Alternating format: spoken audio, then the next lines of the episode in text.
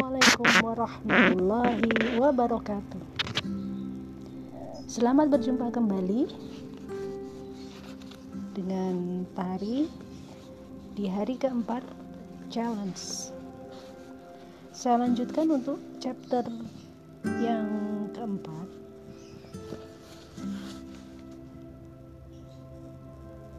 Yang terakhir dari percakapan Patih Wironegoro dengan para petinggi uh, tentara kerajaan Belanda.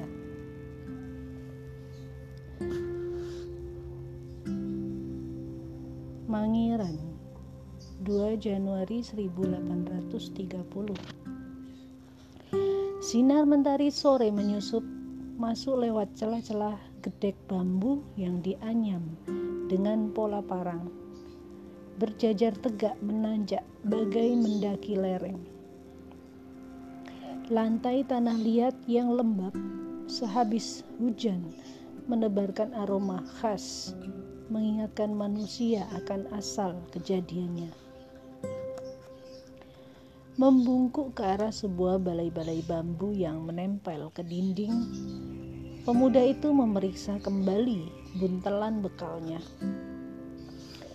Sebilah berkeris berwarongko gayaman kayu trembalu bergandar iras dengan pendok blewah suwoso lus ditempatkan dengan rapi di antara beberapa lembar baju. Serban putih dan jaket birumu itu biarlah tetap dalam buntelan, seorang lelaki paruh baya bertelanjang dada yang duduk di bangku kayu tak jauh dari balai-balai berkata lembut. Asap tembakau bercampur kelembak dan cengkeh yang diisap dari dalam lintingan kelobot kulit jagung sesekali dia embuskan ke arah jendela.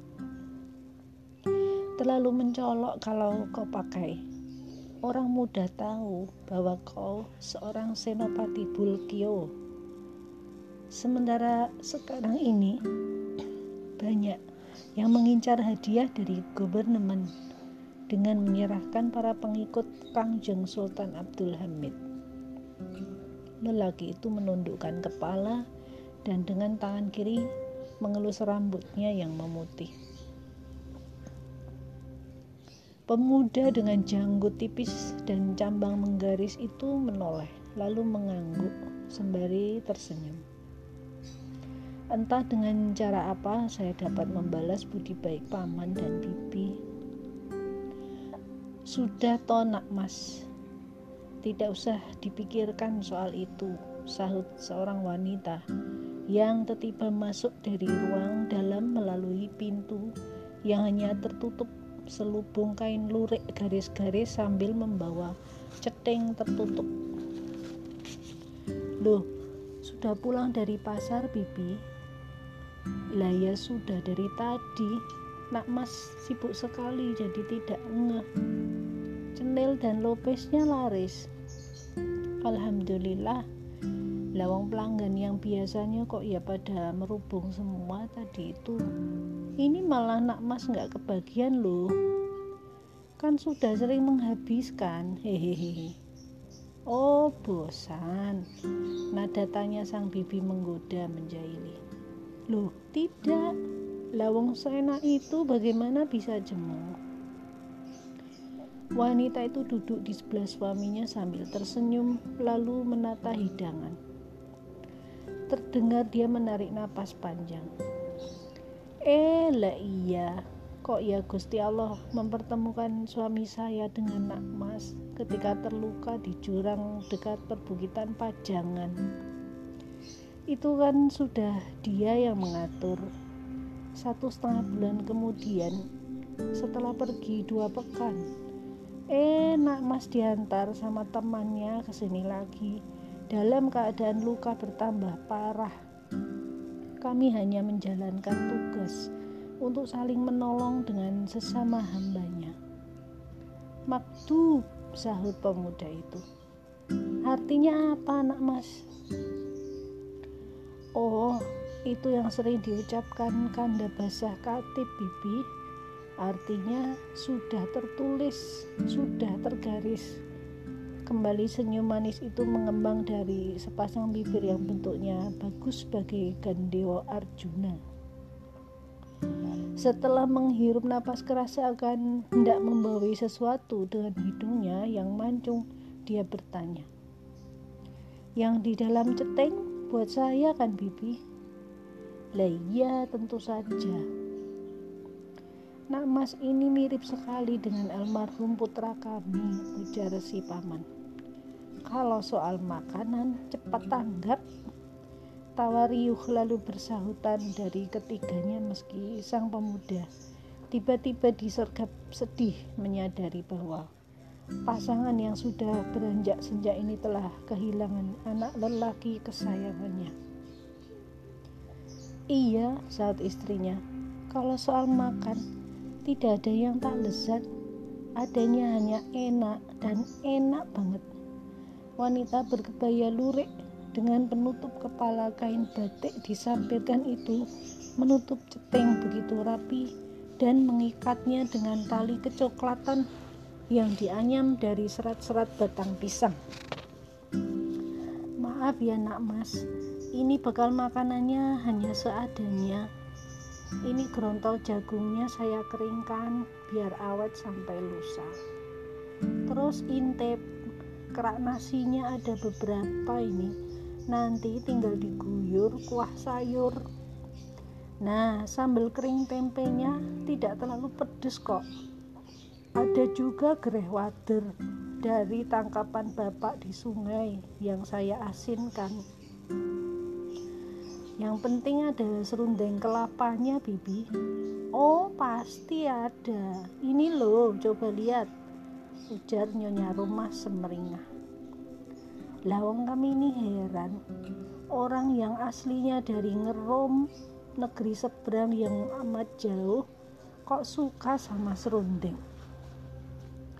Soalnya di sana tidak ada pohon kelapa, timpal si bapak terkekeh sambil menyundut-nyundutkan puntung rokok kelobotnya ke pinggir jendela. Betul juga paman. Manusia biasanya takut pada segala yang asing, tapi kalau sudah jatuh cinta, jadi dalam sekali. Weh, ini bukan tentang bunga jelita dari kepatian itu toh. Haha, serundeng paman, serundeng. Tanpa disadari, sang pemuda sepasang mata indah yang sejak tadi mengawasinya dari selaan nyaman gedek di ruang sebelah kini sedikit memalingkan pandangan. Gerutuk gigi pemiliknya pelan menggigit bibir bawah.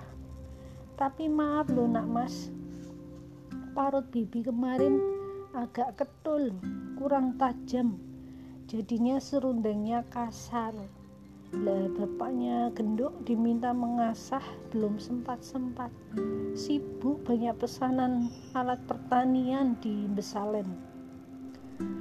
Loh saya malah suka kalau ketika mengunyah terus sesekali ketemu cuilan-cuilan kelapanya bibi. Wah Jen. Nak Mas Nur Kandam ini sudah betul-betul Jawa nih. Pemuda itu yang dikenal rekan-rekannya sebagai basah Nurkandam tersenyum lalu mengangkat busurnya yang tergeletak di sisi bungkusan. Di silok tiga setengah bulan yang lalu, bagian ujung busurnya yang disebut siah patah sama dengan lengan kiri kirinya bagian atas yang juga nyaris buntung karena di situ bersarang dua butir peluru milik serdadu Belanda. Kesabaran pasangan suami istri itu merawatnya setelah dia dengan nekat mencungkili peluru-peluru itu dengan belati khanjarnya yang dipanasi dan diolesi minyak kelapa telah membuatnya kini merasa pulih sempurna dan harus segera menyusul junjungannya ke medan tempur. Nurkanda mengelus lapisan luar lengan busurnya yang dalam perbaikan telah diganti dengan tanduk kerbau Jawa. Sementara tetap tendon kaki lembu Anatolia di bagian dalam masih dapat dia pertahankan. Dengan menggeretakkan gigi, dia menguji kelenturan regangan dan kekuatan tarian bagian yang disebut dustar itu. Pegangannya pun tak luput dari pemeriksaan sang basah muda. Seutas kulit yang dililit di sekeliling mikbed itu agak terlipat menggelembung sehingga harus dia ungkit dengan ujung belati agar rapi kembali. Takikan untuk mengikatkan tali di ujung-ujung siah juga harus dikerat ulang sedikit. Kemudian dengan menyipitkan salah satu mata diperiksanya kelurusan keseluruhan bagian busur itu dari kuku, lutut, leher, lengan, dan pegangan.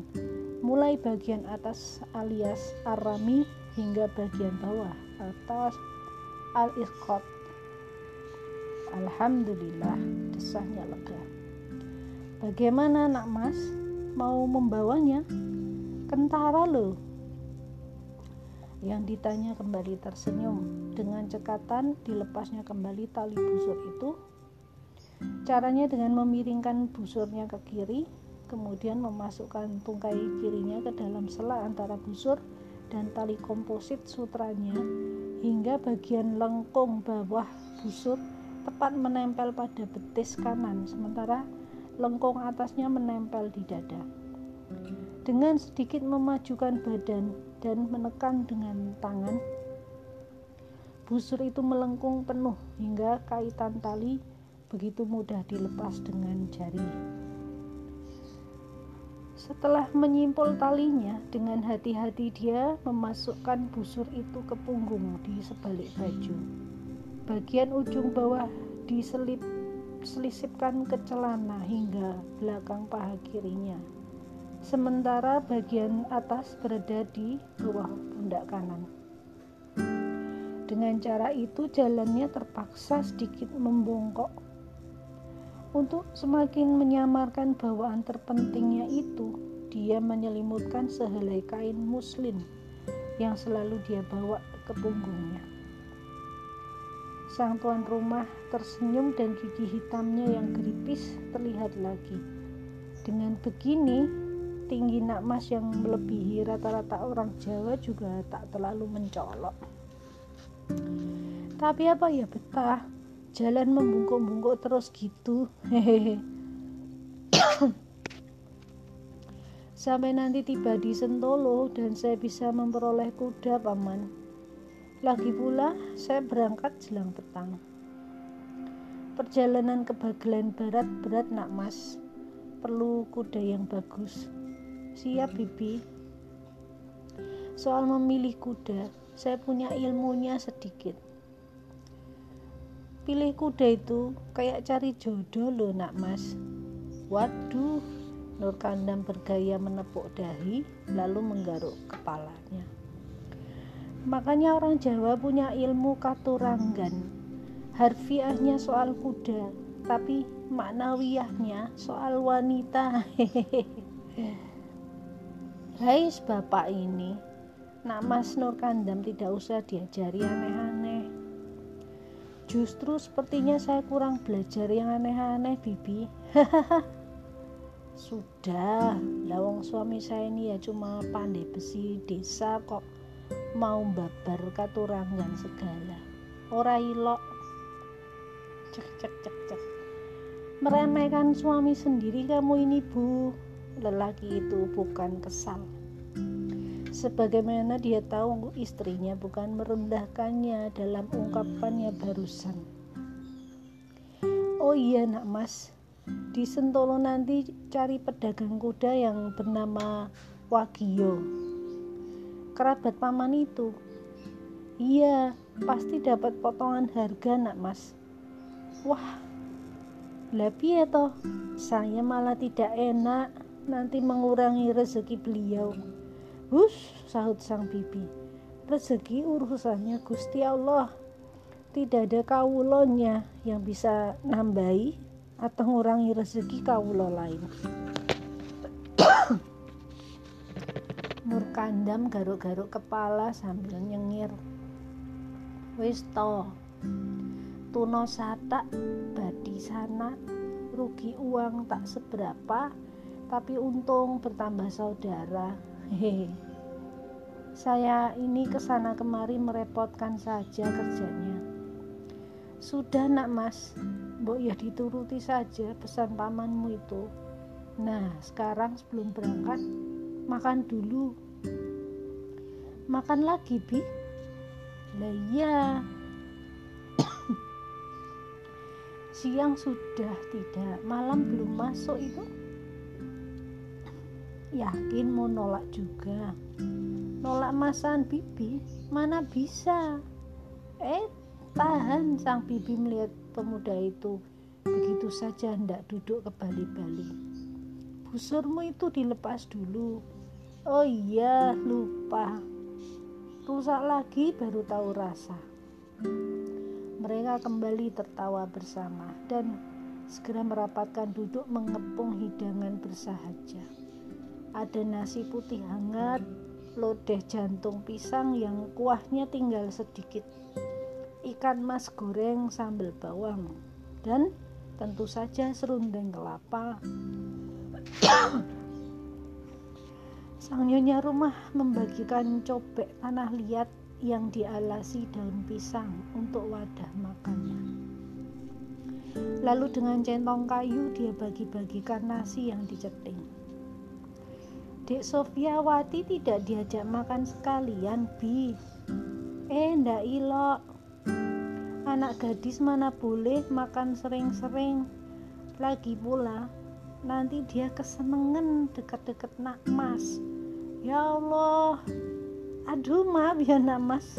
Sebagai ibu, Bibi hanya tidak mau kalau anak itu berharap yang tidak-tidak. Nanti kalau kecewa, mundak sakitnya terlalu dalam. Gadis salihah seperti dia pasti nanti Allah kirim pemuda salih untuk jadi suaminya.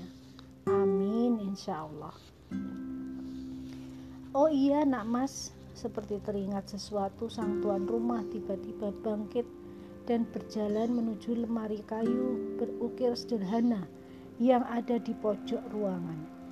Di sebalik pintu lemari dia mengeluarkan sebuah buntelan kecil yang berkerpiak bunyinya ketika dibawa.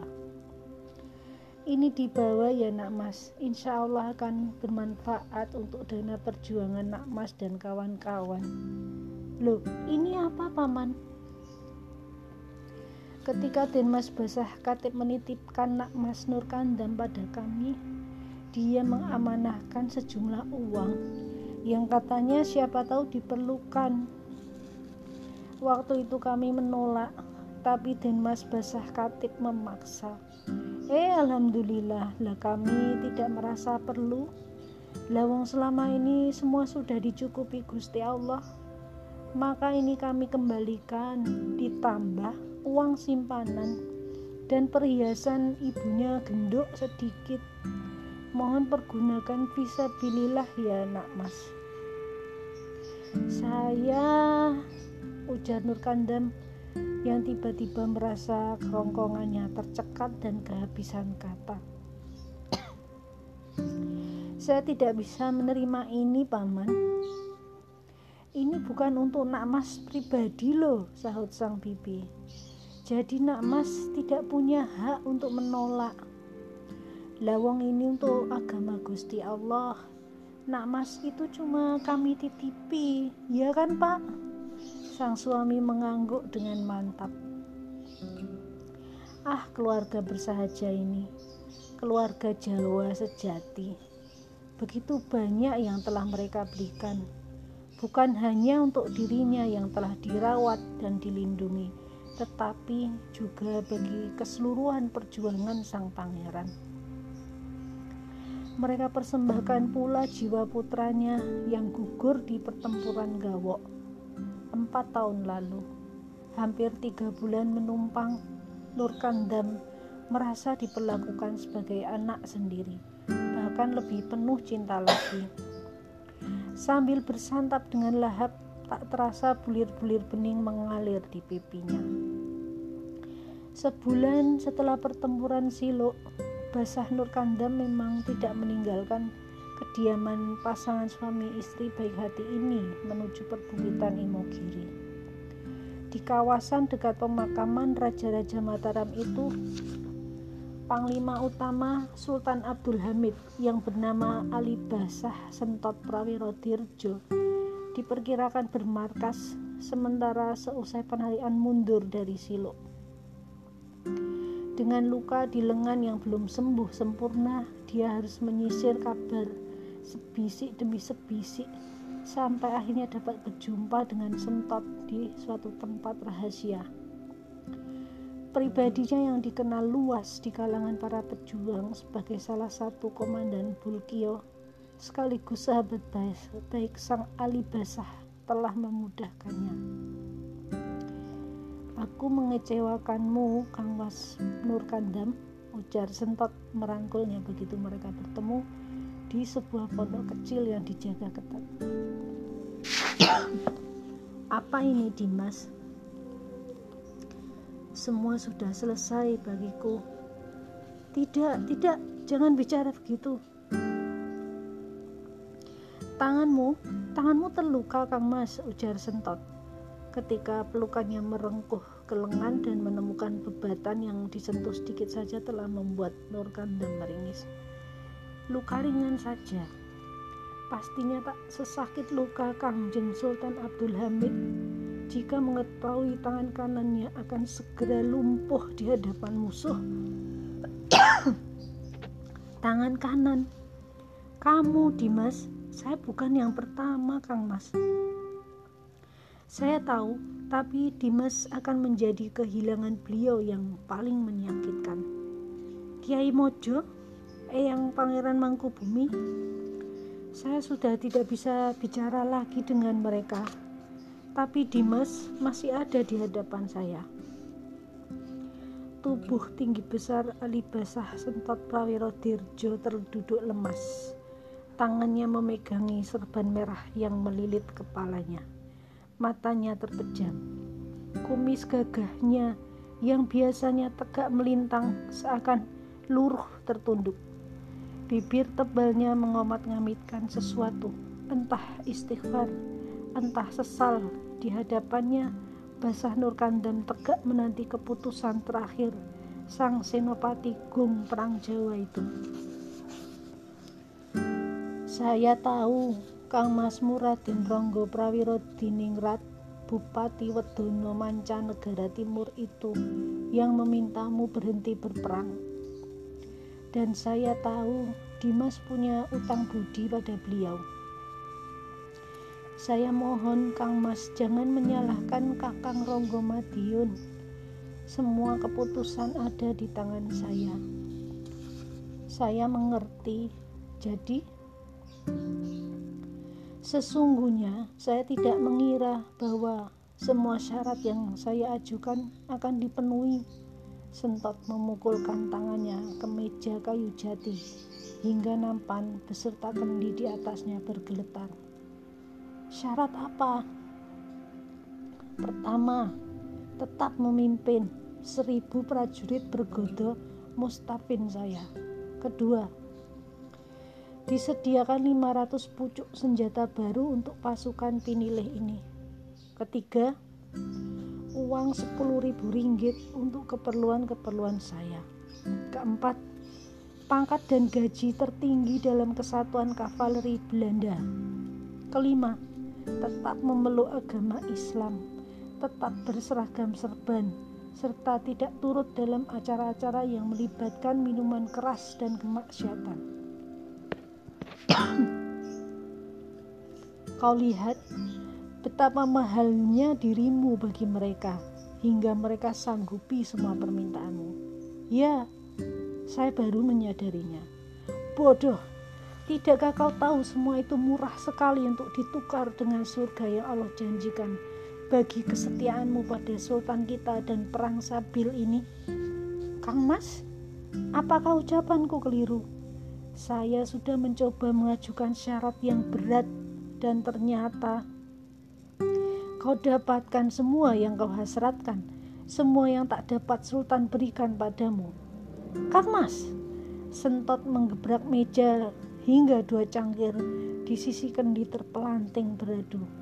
Dengan murka dia bangkit dan mengacungkan telunjuk kirinya pada Nur Kandam, sementara tangan kanannya memegang hulu keris bergaya Bali yang selalu diselipkan dalam posisi nyote di depan perutnya.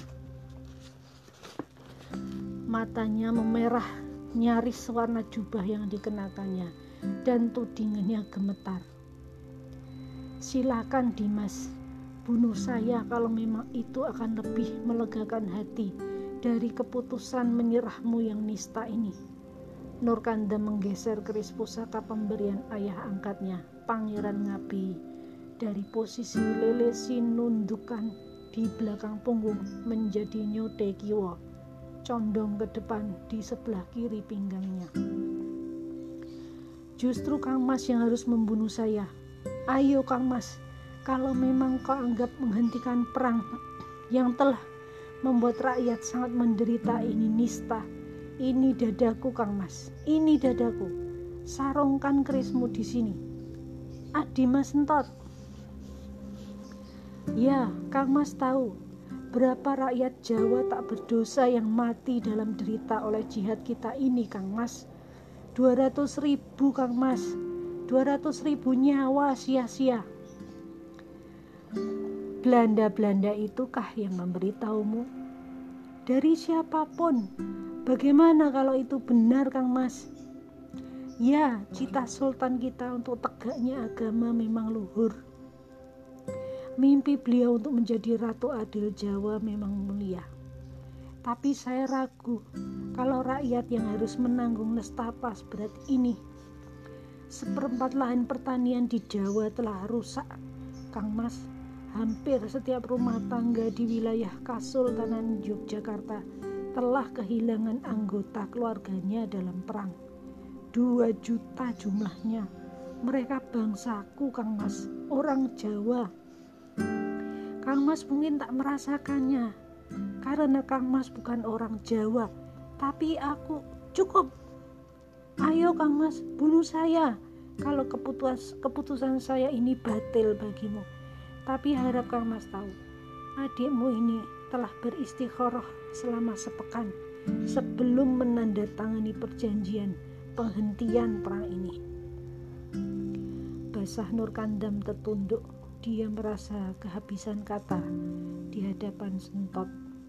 Ucapan Sentot tentang jumlah korban perang Jawa telah menghantam ulu hatinya. Oh, apa artinya kini 15.000 serdadu Belanda yang telah mereka bunuh selama berbagai pertempuran, pertempuran? Duhai, apa maknanya kebangkrutan yang telah mereka timpakan kepada bangsa asing serakah itu? Kalau toh rakyat juga yang akan menanggung derita. Nur Kanda meremas hulu kerisnya dengan gemas. Suasana tegang dari ruangan tempat pertemuan empat mata kedua pemimpin perang yang disegani di dalam pondokan di puncak bukit itu menguar keluar. Para prajurit pinilih yang berjaga di luar bilik telah menghunus pedang dan bersiap masuk ketika Sentot akhirnya meloncat ke pintu membukanya dan berteriak keras. Prajurit, antarkan Kang Mas Basah Nur Kandam kembali ke tempat yang beliau kehendaki. Pastikan keselamatan beliau, karena pembicaraan di antara kami sudah selesai. Dimas, untuk Kang Mas tahu saya akan tetap berusaha visabilillah di mana pun saya berada nantinya. Saya akan terus berjuang untuk al-haq lillahi ta'ala. Itu janji saya. Beberapa hari kemudian, tanggal 24 Oktober 1829, Basah Nur Kandam berada di puncak perbukitan Mangunan, menyaksikan pasukan Mustafin dan panglimanya, Ali Basah Sentot Abdul Mustafa Prawiro Dirjo bergerak turun dan menuju ke barat laut arah keraton Yogyakarta. Di sepanjang jalan rakyat merunduk bersembah ketika pasukan Sentot lewat, disertai tiga pangeran, 37 tumenggung, 20 bupati, 20 panji dan ronggo, 30 mantri, 52 ngabei, 60 nayoko, serta 600 prajurit. Panglima besar itu menghadap Sultan Kanak-kanak Hamengkubuwono V dan Residen Yogyakarta Van Nes untuk menerima pengampunan dan menandatangani penyerahan diri.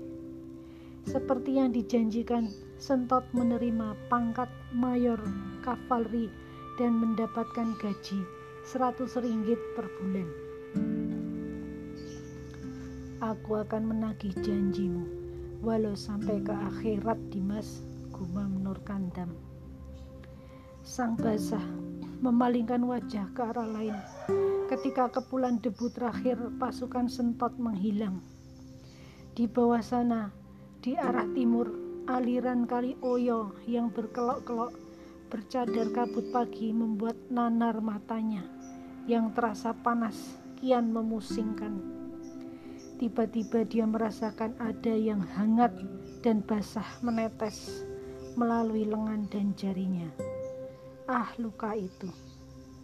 Dipaksa naik turun bukit berhari-hari, luka tembak yang belum pulih itu kembali terbuka dan mengucurkan darah dengan deras.